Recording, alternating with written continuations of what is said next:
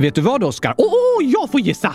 Okej, okay. har de äntligen upptäckt kylskåpsplaneten som finns mellan Pluto och Neptunus? Nej, där finns det inga kylskåpsplaneter. Du menar att den inte är upptäckt än? Alltså, jag tror inte det finns någon sån planet. Jag är säker på att det finns, bara att de inte upptäckt den än. Ja, det låter otroligt tycker jag. Allt är otroligt tills det är upptäckt. Mm, ja, Okej, okay. hur menar du att en kylskåpsplanet ser ut som ett gigantiskt kylskåp och så är den fylld med gurkaglass? Jag är fortsatt tveksam, men du kan inte vara säker på att det inte finns en kylskåpsplanet någonstans i rymden, för hela rymden är inte utforskad. Nej, rymden är gigantiskt stor så ja, jag kan inte vara 100% säker på att det inte finns en kylskåpsplanet någonstans. Men jag är väldigt, väldigt tveksam till att det finns det. I vilket fall var det inte det jag tänkte berätta om. Vad skulle du säga då? Jo, igår var jag med om en olycka. En bilolycka? Nej då, inget allvarligt. Eh, det var en liten olycka hemma. Var det en av de fem fruktansvärda olyckorna? Fem fruktansvärda olyckorna. Ja, de värsta sakerna du kan vara med om hemma. Eh, det vet jag inte, för jag vet inte vilka fem saker det är. Okej? Okay? Vill du kanske berätta vilka fruktansvärda olyckor du menar? Ja tack, men först sätter vi på gurkagingen. Okej, okay, här kommer den.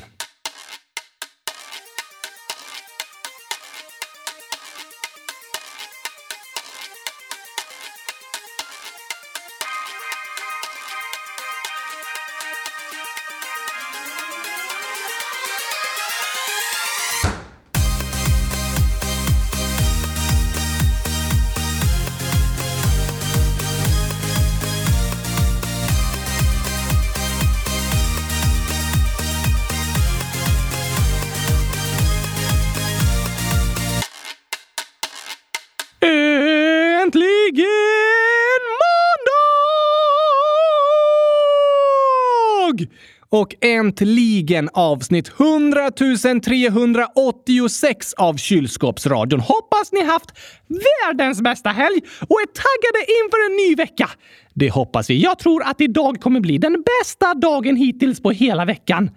Alltså, ja, måndagar är alltid bästa dagen hittills. Ja, men det är ju första dagen på veckan. Precis, alltså bästa! Det är ju det enda alternativet hittills. Alltså bästa dagen på veckan hittills. Så kan man tänka, ja. Vi hoppas att ni alla har en härlig dag och får en fantastisk vecka. Ja, ja, ja, ja, ja, tack! Men vi pratade ju om saker som inte är så roliga att vara med om. Just det! Om de fem fruktansvärda olyckorna som kan hem hända hemma. Vad tänker du på då? För det första så är det fruktansvärt att sätta sig i soffan och inse att du sitter på en chokladfläck! Ah, det är extra stor risk lördag morgon efter fredagsmyset. Chokladfläckar på soffan är ju inte kul. Nej, inte när du är allergisk mot choklad och råkar sätta dig på dem. Ja, du är inte allergisk, men tur ändå att vi inte har någon soffa i vår lägenhet, Oskar. Ja, det är skönt faktiskt. Vad har du mer för olyckor då? Något annat fruktansvärt är när du skär gurkaskivor till en supergod gurkasallad, men sen smakar de tomat! Varför det? För du har precis skurit upp tomater på samma skärbräda utan att diska den, Gabriel! Oj då, det smakar hemskt! Jag tror inte det märks så mycket. Det är ju typ bara vatten från tomaterna på skärbrädan. Jag känner smaken om det finns så mycket som en endaste tomatatom på gurkorna. Det finns inga tomatatomer. Jo, atomer som är i tomater. Till och med i ordet atomtomat.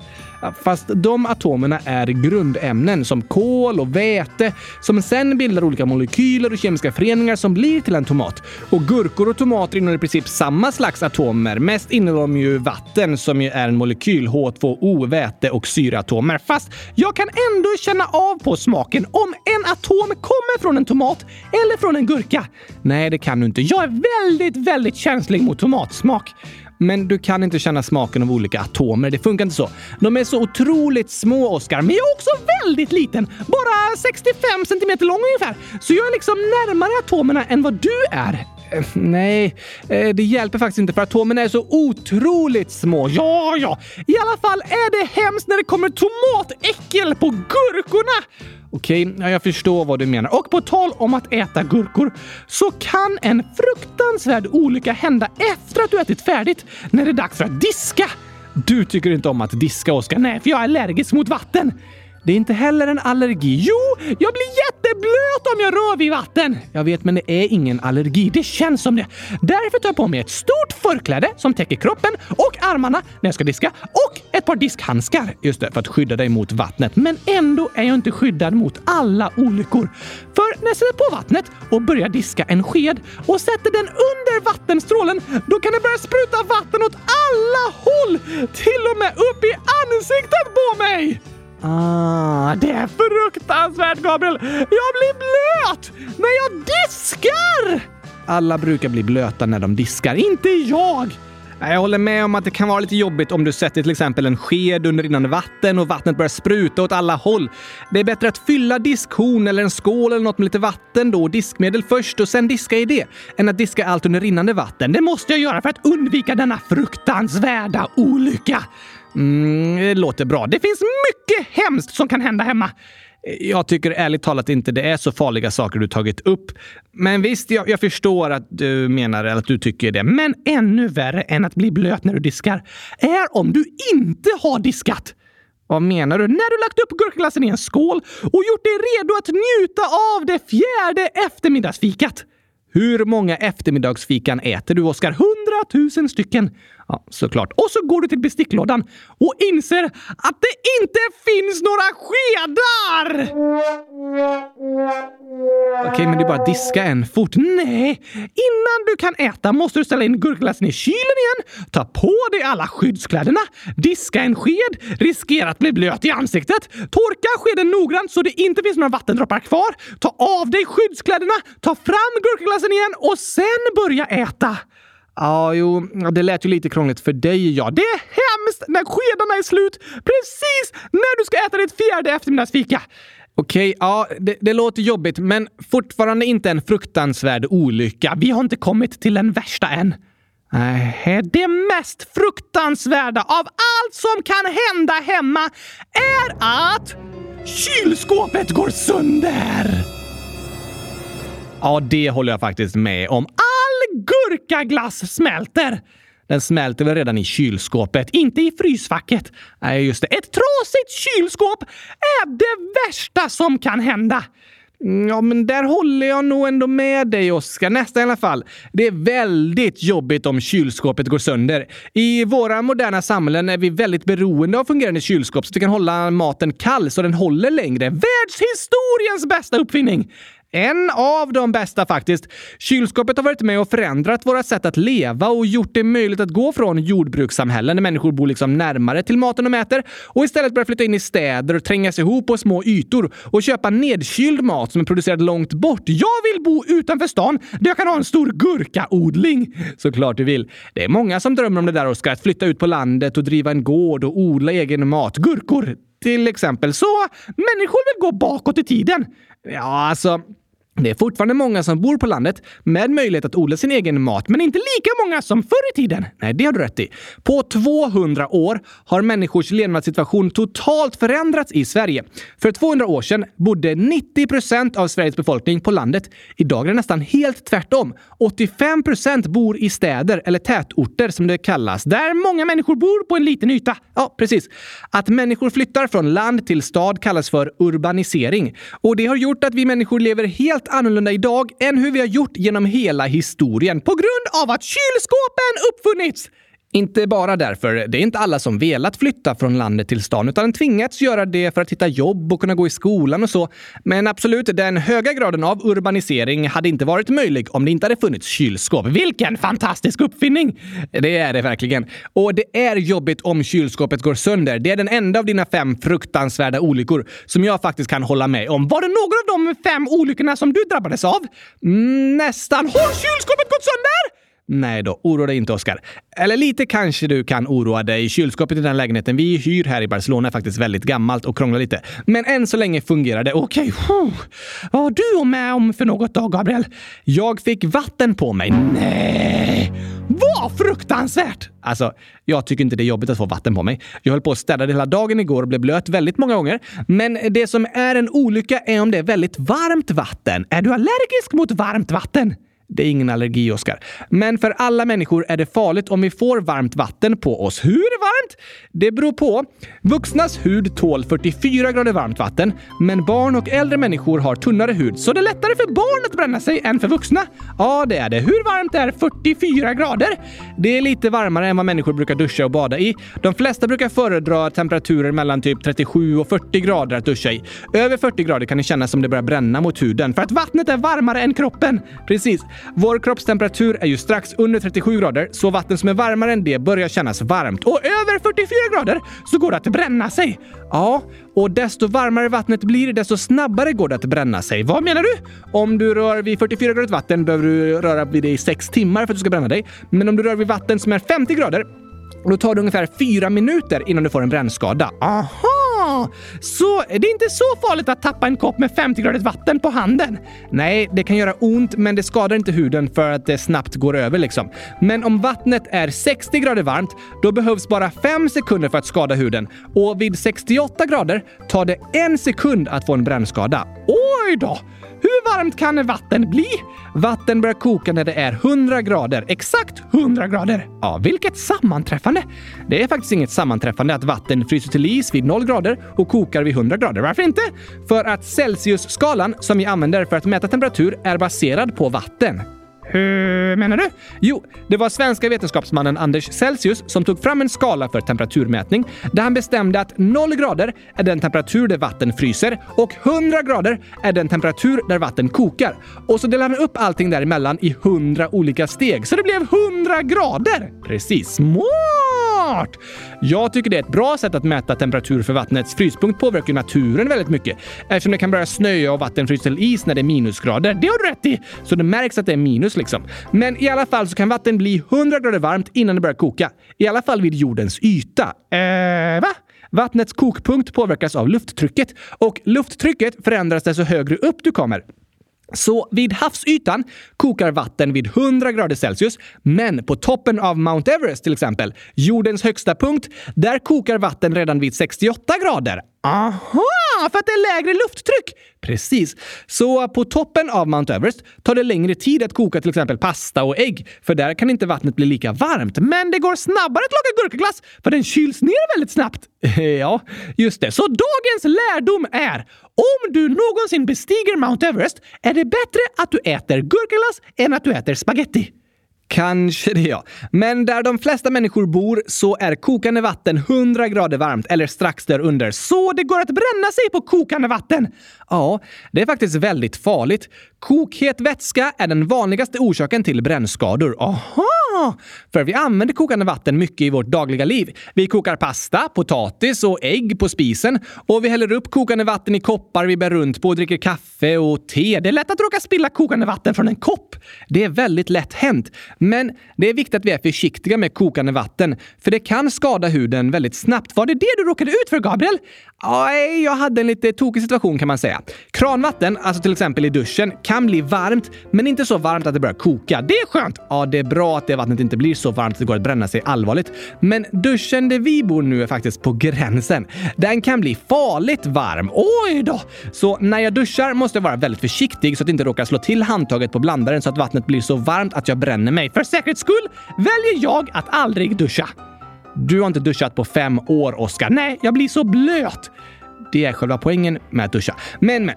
Igår så höll jag som sagt på att städa lägenheten och då fyllde jag en skurhink för vattnet som eh, kom väldigt kallt så jag drog på temperaturen på max så det skulle blandas med varmt och kallt vatten och bli ljummet till slut. Är det bra att skura golvet med varmt vatten?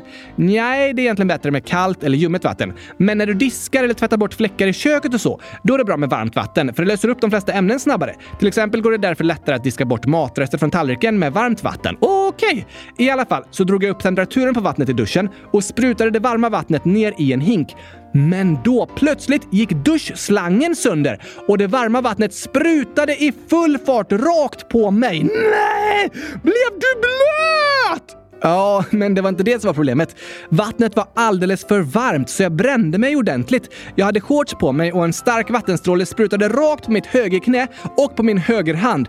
Sen så fortsatte vattnet att spruta runt i hela badrummet från den trasiga slangen så jag fick kämpa mig fram för att kunna stänga av duschen. Brände du dig över hela kroppen då? Nej, det var väldigt varmt, men mer utspridda droppar och ingen stark stråle rakt på mig, så eh, det gick bra. Men jag kände snabbt att huden hade skadats på både knät och handen. Vad gjorde du då? Om du bränner dig på till exempel varmt vatten eller en varm plåt i ugnen eller liknande så är det viktigt att du direkt spolar den skadade huden med svalt vatten.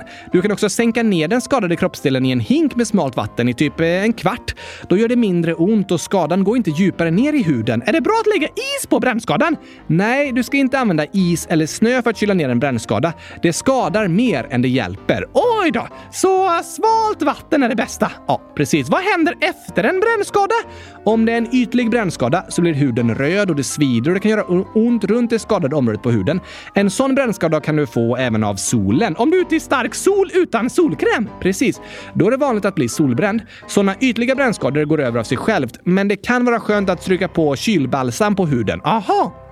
Om brännskadan går lite djupare ner i huden, då kan det bildas blåsor. Det kan det göra om du till exempel fått kokhett vatten på dig. Blev det några blåsor på din hud?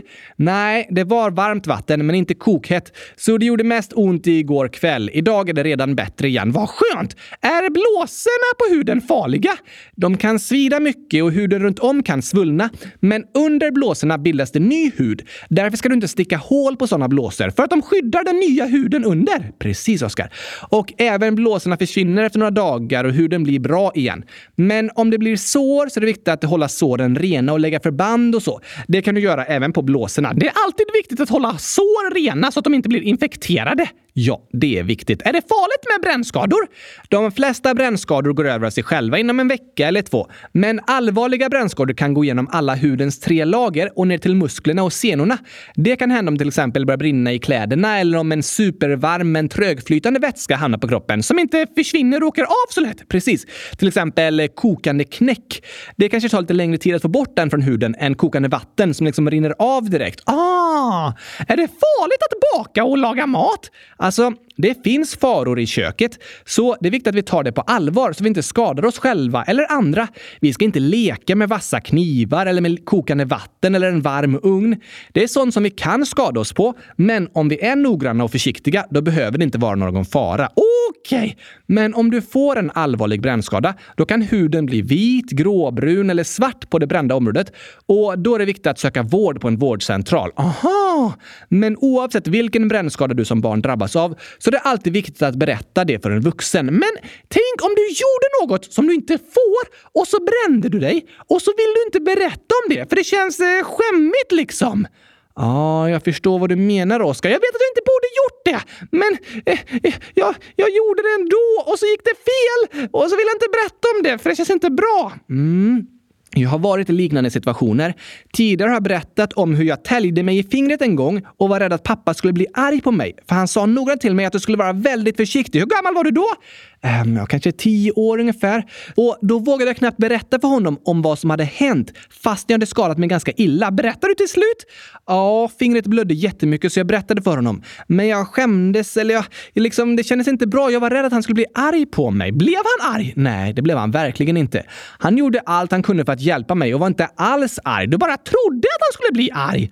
Ja, för det kändes som jag hade gjort något jag inte fick. Och när vi gör något vi vet att vi inte får göra och vi skadar oss eller det händer något dumt, då kan det kännas jobbigt att berätta det för ens föräldrar. Många är oroliga för att de ska bli arga. Precis. Kanske har du som lyssnar använt en app som dina föräldrar sagt den är förbjuden och så har någon skickat dumma meddelanden i den appen till dig och så vill du inte berätta om det. Men det är alltid okej okay att berätta. Ja, det är det. Oavsett om det är något som har hänt på internet eller i olika spel eller om du skadat dig när du gjorde något du visste att du inte fick göra så kan du alltid be om hjälp. Olyckor kan hända alla människor. Det är inte ditt fel. Det är alltid okej okay att be om hjälp och jag är säker på att dina föräldrar bara vill hjälpa dig men det är inte kul om föräldrar blir arga på en. Det är verkligen inte roligt. Men ibland kan vi gå runt och vara rädda för att våra föräldrar ska bli arga, fast de inte alls blir det. Som när du täljde dig i fingret. Precis. Om du skadar dig så vet jag att dina föräldrar bara vill hjälpa dig och göra allt de kan för att du ska må bra. Du behöver inte vara orolig. Det är superviktigt och bra att du berättar om vad som har hänt. Ja, tack! Och till alla föräldrar som lyssnar så vill jag säga att om ett barn berättar om något dumt som har hänt, även om barnet gjorde något som jag visste att det inte var tillåtet, så bli inte arga. För då kan det hända att vi barn aldrig vågar berätta om jobbiga saker som händer för vi är rädda att ni vuxna ska bli arga.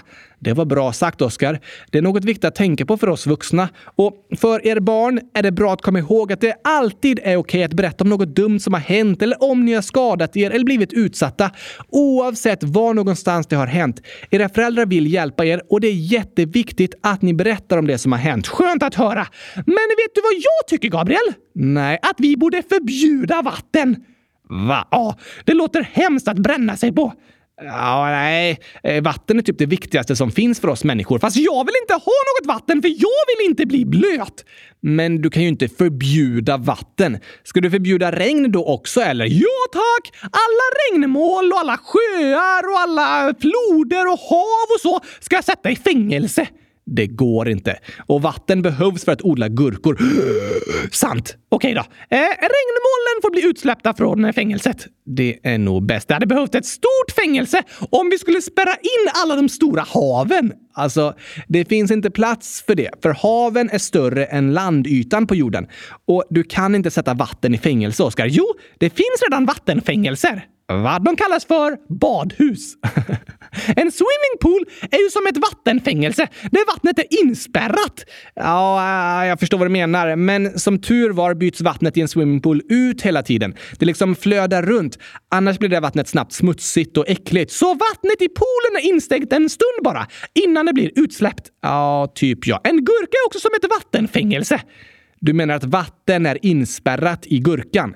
Jag skulle inte kalla det för fängelse, men gurkor innehåller ju vatten som inte kommer ut!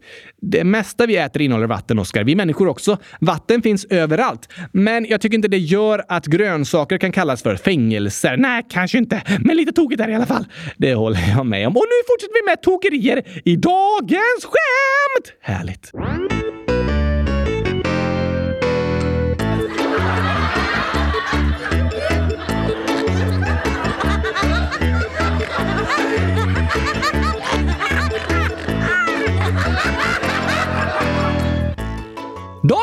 Första skämt är skrivet av Kat I'm snart 10 år. Jag har ett skämt. Hur skrattar en T-rex? En T-rex? Ja tack, en dinosaurie alltså. Ja, det visste jag. Har vi fått något svar från paleontologen än förresten? Nej, tyvärr inget svar på det mejlet om namnen. Han är upptagen med Skånesaurus 1, Skånesaurus 2 och Skånesaurus 3. Ja, det verkar så. Men idag pratar vi om T-rex som skrattar. Ja, men hur då? Hmm. Det kanske tycker något är eh, dödskul för att den är utdöd. Bra gissning, men fel. Okej, skrattar den typ eh, urhistoriskt mycket? Inte det heller. Nej, mm, då har jag ingen aning. Så här. T-rex! Ah, T-rex, vad roligt! Katain! Den var bra ju. Om du träffar en skrattande dinosaurie på stan någon dag så är det antagligen en T-rex. Gissningsvis. Ett till djurskämt. Tove, 7 år, skriver “Vilken hund hälsar mest?” Hmm, vad finns det för olika hundar? Eh, tax låter som eh, när säger tack snarare kanske. Labrador, eh, labradu, eh, hur mår du? Det var inte så likt. Nej, eh, jag kommer inte på något bra, Oskar. Vilken hund hälsar mest? Det gör såklart Ciao, ciao! Ja, låt som ni säger tja, tja, ciao, ciao! Ciao, ciao är en hundras som från början kommer från Kina, men den är framavlad i Storbritannien och den har fått sitt namn från att den alltid nickar på huvudet och hälsar på alla den möter. Tja, tja! Nej, namnet ciao, ciao kommer antagligen från pidgin-kinesiska och betyder mat. Aha! Eller pidgin-engelska för krimskrams. Pingvin vadå? Ett pidginspråk är ett språk som uppstår tillfälligt när två väldigt olika språk blandas. Okej? Okay. Så pidgin-engelska blev liksom en mix av engelska och kinesiska som uppkom i sjöstäder i östra Asien. Så Xiao Xiao är en mix av England och Kina. Typ ja, möjligtvis är det ett mixat namn och rasen är också en mix med ursprung i Kina men sen har den framavlats i Storbritannien. I alla fall är den väldigt trevlig för att det låter som den hälsar hela tiden. Ja, tack för det tokiga skämtet Tove. I slutet av inlägget står det också “Hej då! Älskar er podd!” Åh, vad fint sagt. Och vad roligt att höra. Hundratusen tack för att du hörde av dig! Tack för det. Sen har jag ett skämt här från Oskar Gurkan, 7000 år. Hej kylskåpsradion! Min kompis Lova fyller 8 den 15 augusti. Hon gillar inte kylskåpsradion, men hon menar inget illa, hon är jättesnäll. Hundratusen grattis i efterskott hälsar vi till dig, Lova! Om du hör det här vill vi önska dig stort grattis i efterskott. Hoppas du hade världens bästa födelsedag med en mega supergigantisk stor gurkaglasstårta. Eller något annat som just du tycker om. Men inlägget fortsätter så här. Jag har ett skämt, oh la la! Det var en gång en banan som blev påkörd av en bil. Gabriel kom och tog upp bananmoset. Vad sa bananen då? Hmm, jag tror den sa “Varsågod!” Varför det? För att bananmoset säger “Du vill ju ha en smoothie, så här har du en!” Ja, ah, för att en mosad banan används ofta i smoothies. Jo tack! Det låter ju gott, men det är inte rätt svar. Då sa den mosade bananen “Vill du ha lite mousse?” Inte det heller. Då vet jag inte. Vad sa bananen egentligen?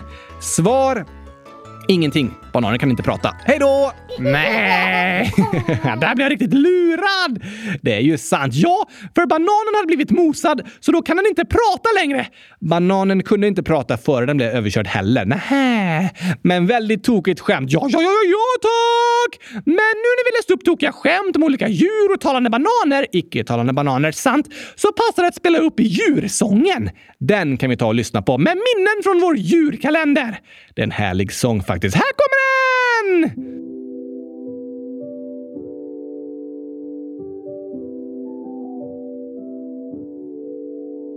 I slutet av ett år som skapat kaos och sår kom 24 dagar där vi följde naturens lagar. Om djur från världens alla länder handlar djurkalendern fylld med fakta och kul.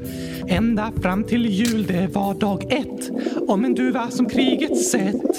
Och sen kom dag två om jakar som i Himalaya gå. Dag tre om snöleoparder på TV.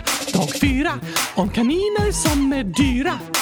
Mm, och dag fem om lejon i ett oväntat hem. Sen var det dag sex om koalor som väcks. Dag sju om vargar som gillar AU. Dag åtta om ekorrar som kottar spottar. Och dag nio om hundar som går att se på bio.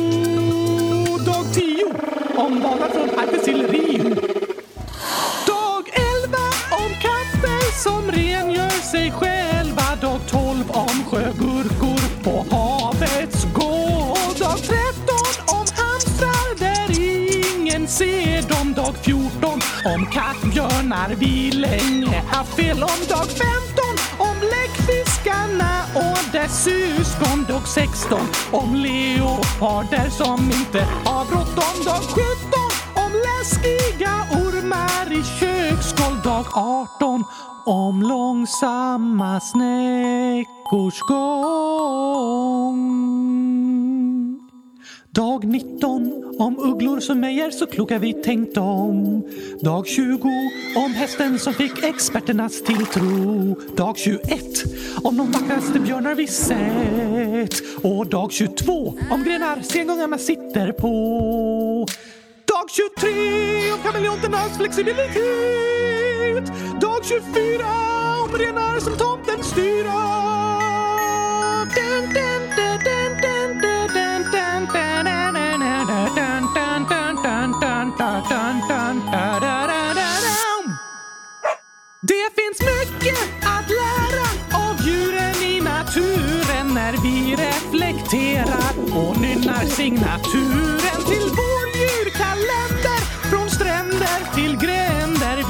Utforskar världen omkring oss och släpper loss. Vi skrattar och dansar. Önskar vi hade svansar som kudde och halsduk. Nog är man lite avundsjuk på klurifaxiga djur som kan ta sig en flygtur. Men vi förundras tillsammans över vår natur.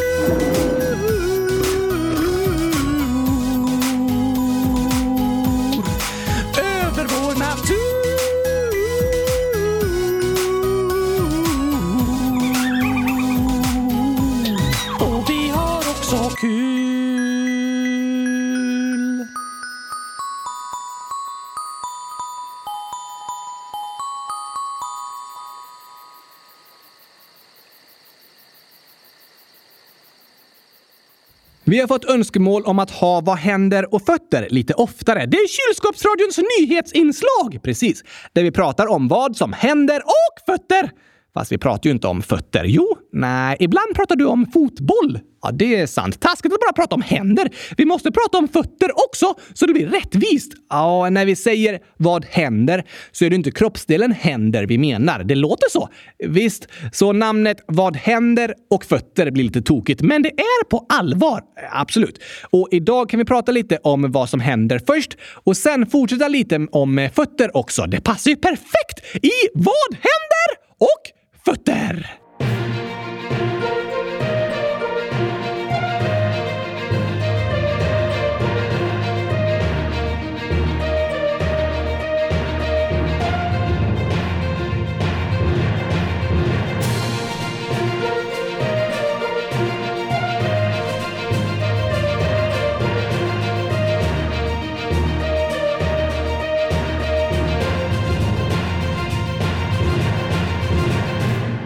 Vet du vilket datum det är idag, Oskar? 11 centum milliamber! Precis. Eller 11 september, som månaden egentligen heter. Jag har bytt namn på månaden till centum milliamber. Det har du. Men 11 september är ett av årets kanske kändaste datum. Kändaste?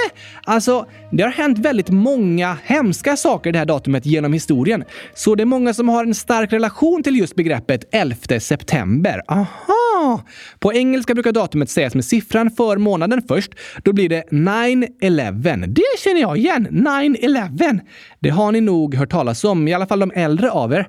För 22 år sedan, idag den 11 september, skedde det som räknas som det största terrorattentatet i världshistorien.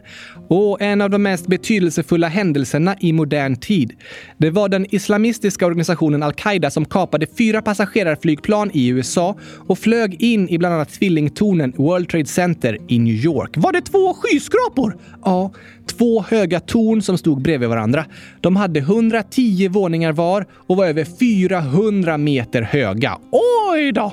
När de byggdes var det norra tornet världens högsta byggnad. Det var lite högre än det södra tornet och på toppen byggdes även en hög mast som gjorde norra tornet hela 526 meter högt. Det är högt!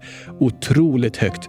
Men klockan kvart i nio på morgonen i New York den 11 september år 2001 flög ett kapat passagerarflygplan in i World Trade Centers norra torn runt våning 90. Ungefär en kvart senare flög ett annat kapat flygplan in i det andra tornet och båda tornen började brinna kraftigt. Människor som befann sig ovanför platserna där flygplanen kraschade in i tornen kunde inte ta sig ner. I det norra tornet var det över 1300 personer som satt fast. Vad fruktansvärt! Ja. Det var ett fruktansvärt terrorattentat som dödade 2996 människor. Det var civila, oskyldiga offer som jobbade i de båda husen och även många brandmän och hjälparbetare som dog när de försökte släcka elden och rädda människor. Efter mellan en och två timmar rasade först det södra tornet och sedan det norra. Oj då! Och ett annat kapat flygplan flögs in i USAs försvarshögkvarter Pentagon samtidigt som det fjärde planet havererade på ett fält. De flesta människor i USA och i många andra länder minns exakt var de var den 11 september år 2001 när de såg bilderna från den fruktansvärda attacken i New York. Själv hade jag nyss fyllt åtta år och minns hur jag stod framför tvn i vardagsrummet i Borås efter jag kommit hem från skolan och såg tornen brinna. Sverige ligger ju före amerikansk tid, så här var det eftermiddag när attackerna skedde. Just det!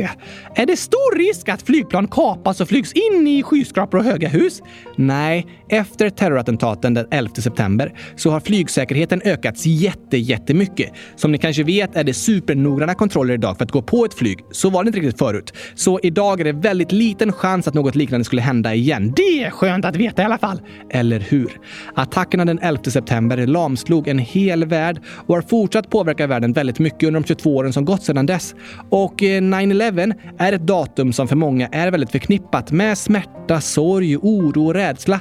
Att säga 11 september är liksom synonymt med attacken i New York i USA. Men många andra länder har andra händelser som de också förknippar med 11 september. Är det ett speciellt datum? Det är bara sammanträffanden att många stora händelser har skett just på samma dag. Och särskilt sorgligt är det att det är många hemska händelser. Vad mer har hänt den 11 september? Jo, i Sydamerika förknippar de flesta dagens datum med militärkuppen i Chile som skedde den 11 september år 1973. 50 år sedan idag! Precis, Oscar. Då störtades Chiles demokratiskt valda president Salvador Allende av den chilenska militären och general Augusto Pinochet blev ledare för en militärdiktatur. Oj då! Under hans styre förbjöds alla politiska partier och organisationer som inte var kontrollerade av militären och tiotusentals människor förföljdes, torterades, mördades eller försvann. Varför det? På grund av att de var motståndare till militärdiktaturen. Fanns det ingen yttrandefrihet? Nej, verkligen inte. Alla motståndare till diktatorn Pinochet förtrycktes och torterades. Nationalarenan i huvudstaden Santiago, där fotbollslandslaget spelade sina matcher, omvandlades till ett koncentrationsläger för politiska motståndare. Va? Kuppen i Chile var en fruktansvärd militärkupp och många människor flydde för att överleva diktaturens förföljelse. En hel del hela vägen till Sverige. För mitt i kuppen i Santiago befann sig en riktig svensk hjälte, ambassadören Harald Edelstam, som erbjöd politisk asyl i Sverige och lyckades rädda livet på över 1500 förföljda chilenare och andra latinamerikaner. Wow! Ungefär som Raoul Wallenberg under andra världskriget. Ja, precis Oskar. Raoul Wallenberg gjorde vi ett avsnitt om i historien historiekalendern. Ett väldigt spännande avsnitt! Lyssna gärna på det. Och Harald Edelstam i Chile brukar ibland kallas för 1970-talets Raoul Wallenberg på grund av att de båda räddade förföljda människor ifrån våldsamma diktaturer genom att välkomna dem till svenska ambassadbyggnader. Den mest spektakulära operationen i Chile 1973 skedde när 54 uruguayaner räddades från nationalstadion, som jag tidigare berättade om, dagen innan de skulle avrättas. Oj då! Var det många människor från andra länder i Chile under militärkuppen? Ja, det var det. Särskilt människor som flytt från andra länder i Sydamerika på grund av sin politiska tillhörighet. Till exempel från Uruguay, som redan var en militärdiktatur med förföljelse och tortyr av politiska motståndare. Så många flydde därifrån till Chile, där de välkomnades av den socialistiska presidenten Allende. Men efter militärkuppen så blev de förföljda även i Chile. Aha! Men svenska ambassadören Harald Edelstam, som jag berättade om, han hade smeknamnet Svarta Nejlikan. Det är även namnet på en film som handlar om militärkuppen i Chile och hans agerande. Varför kallas han för det? Det var ett smeknamn han fick under andra världskriget när han var diplomat i Norge och hjälpte till med att rädda hundratals norska motståndsmän och judar genom att smuggla dem till Sverige. Wow! Alltså, Gabriel, det är jobbigt att höra om hemskheter som händer i världen. Jag förstår vad du menar. Det är det verkligen. Men det känns samtidigt positivt och inspirerande och hoppingivande att få höra om människor som kämpar för att hjälpa och rädda andra människor. Eller hur? Mitt i det hemska vi hör om så kan det skapa hopp. Tillsammans kan vi hjälpas åt att göra världen till en bättre plats genom att hjälpa varandra. Det är väldigt, väldigt fint. Bland de fruktansvärda berättelserna om terrorattentatet och militärkupperna så finns det också många berättelser om människor som har dedikerat sina liv för att hjälpa andra. Om tusentals människor som har räddats tack vare modiga brandmän och ambassadörer och andra som gjort vad de kan för att hjälpa sina medmänniskor. Det är något hoppfullt mitt ibland det hemska. Jag håller med. Och just i detta nu så är det människor som kämpar för sina liv och andra människor som kämpar för att rädda liv efter jordbävningen i Marocko. Oj då! Var det en kraftig jordbävning? Det var det. Den hade en magnitud på 6,8 på Richterskalan och skedde på 18,5 kilometers djup för två nätter sedan i området mellan den tusen år gamla storstaden Marrakesh och kuststaden Agadir i sydvästra Marocko. Det är den kraftigaste jordbävningen på över 120 år i landet. Va? Hundratusentals människor är drabbade och över 2000 personer har dött. Fortfarande söks det för fullt efter överlevande i rasmassorna. Alltså, det finns olika sorters katastrofer och hemskheter. De kan vara orsakade av andra människor, som i krig och konflikter och vid terrorattentat, eller orsakade av naturen i olika naturkatastrofer, som jordbävningar. Just det, Oskar. Men i båda fallen får vi fokusera på det hoppfulla i situationen.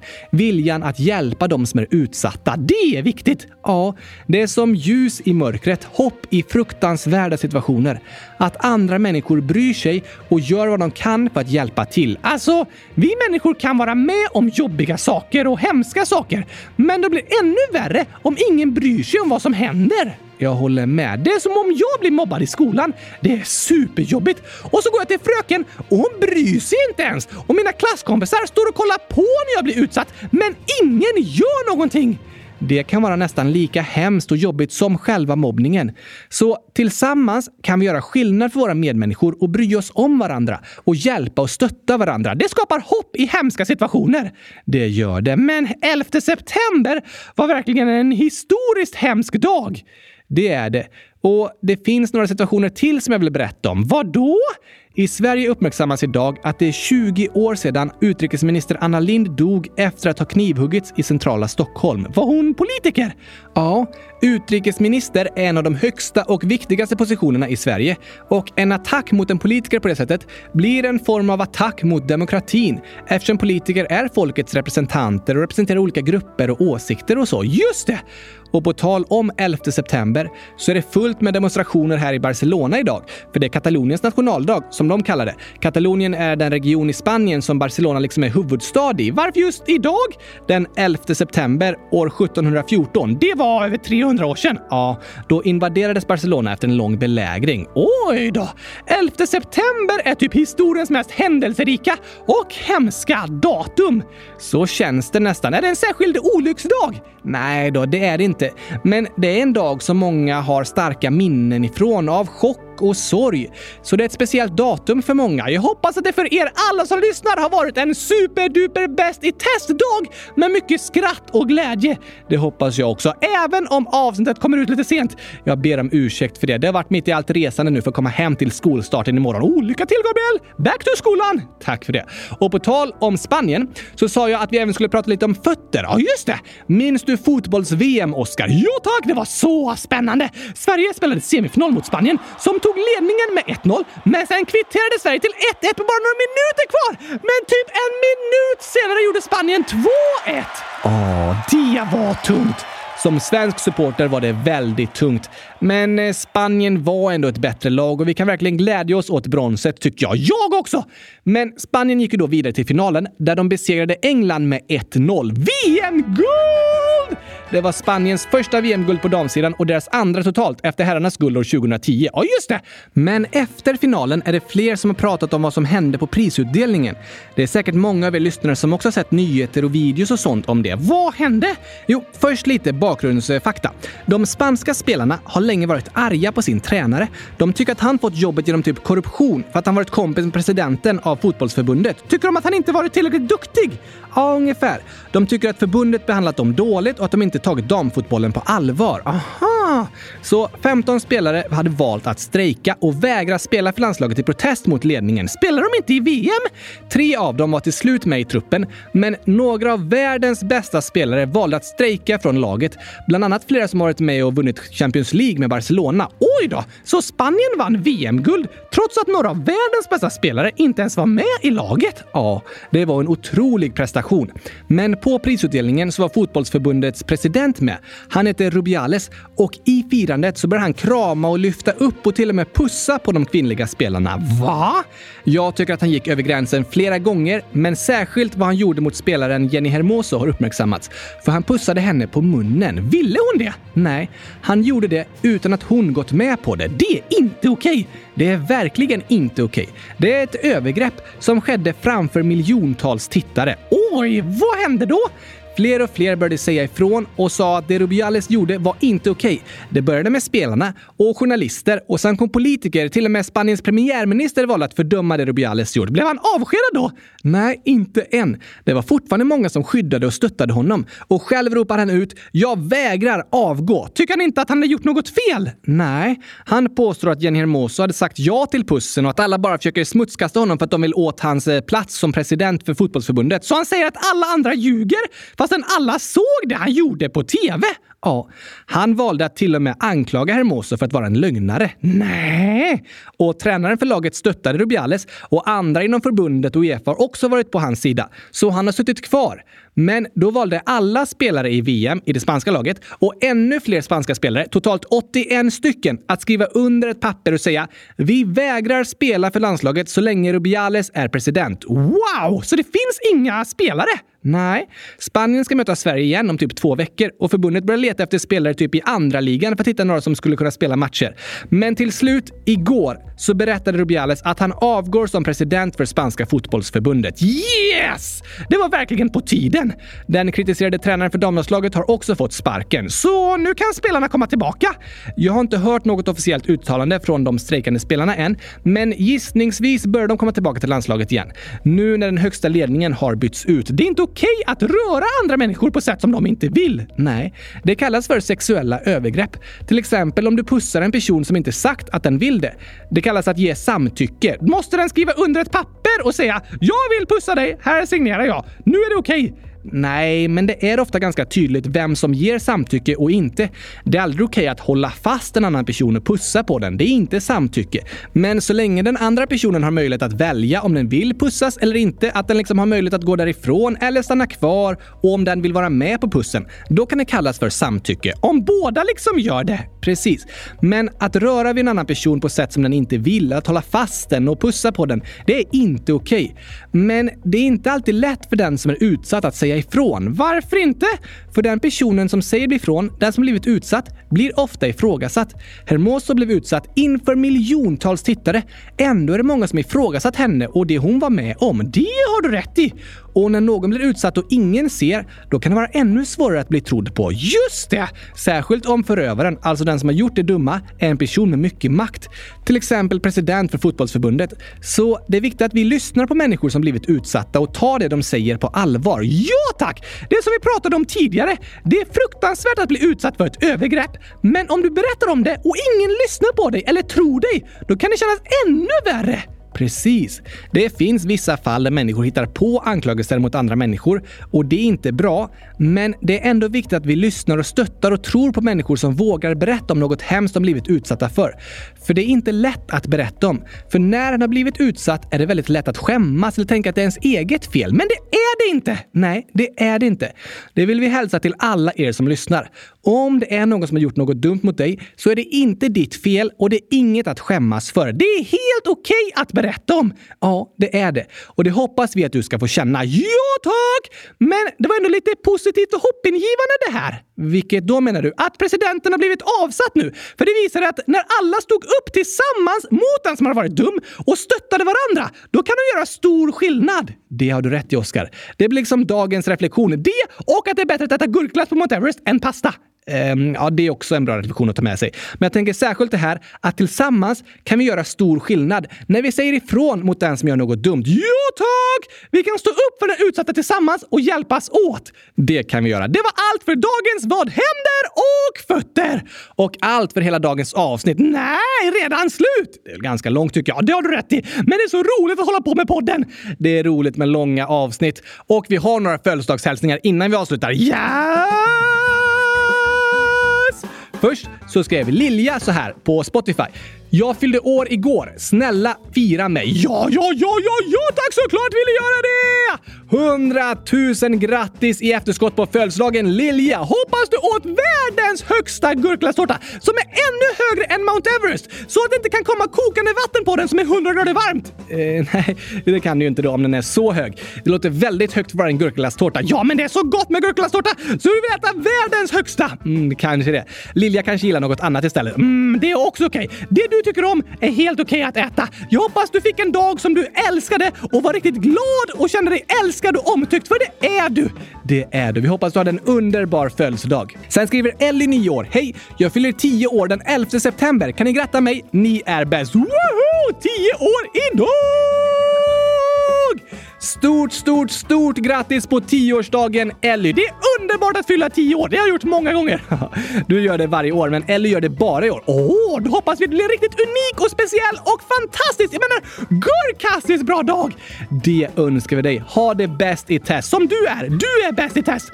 Kom ihåg det. Och Olof, 8 år, skriver Hej! Jag fyller år 11 september. Kan ni gratta mig då? PS. Jag bor i Karlstad. Kan ni skriva upp mig på lyssnarkartan? Jag skrev faktiskt för några månader sedan. Det ska vi göra! Och vi önskar dig grattis, grattis Grattis, grattis, grattis, grattis, grattis! Hundratusen grattis på nioårsdagen Olof! Massor av grattis säger vi till dig idag. Välkomna till oss fantastiska nioåringar! Välkommen till klubben. Du är inte med Gabriel. Du är med bland alla 30-åringar. Ja, just det. Men jag och Olof, vi är nioåringar idag! Det är ni. Hoppas du har en superhärlig födelsedag Olof och att du får äta mycket gurkglass eller något som du tycker om. Ja, det är också okej. Okay. I alla fall hoppas vi att du får världens bästa födelsedag.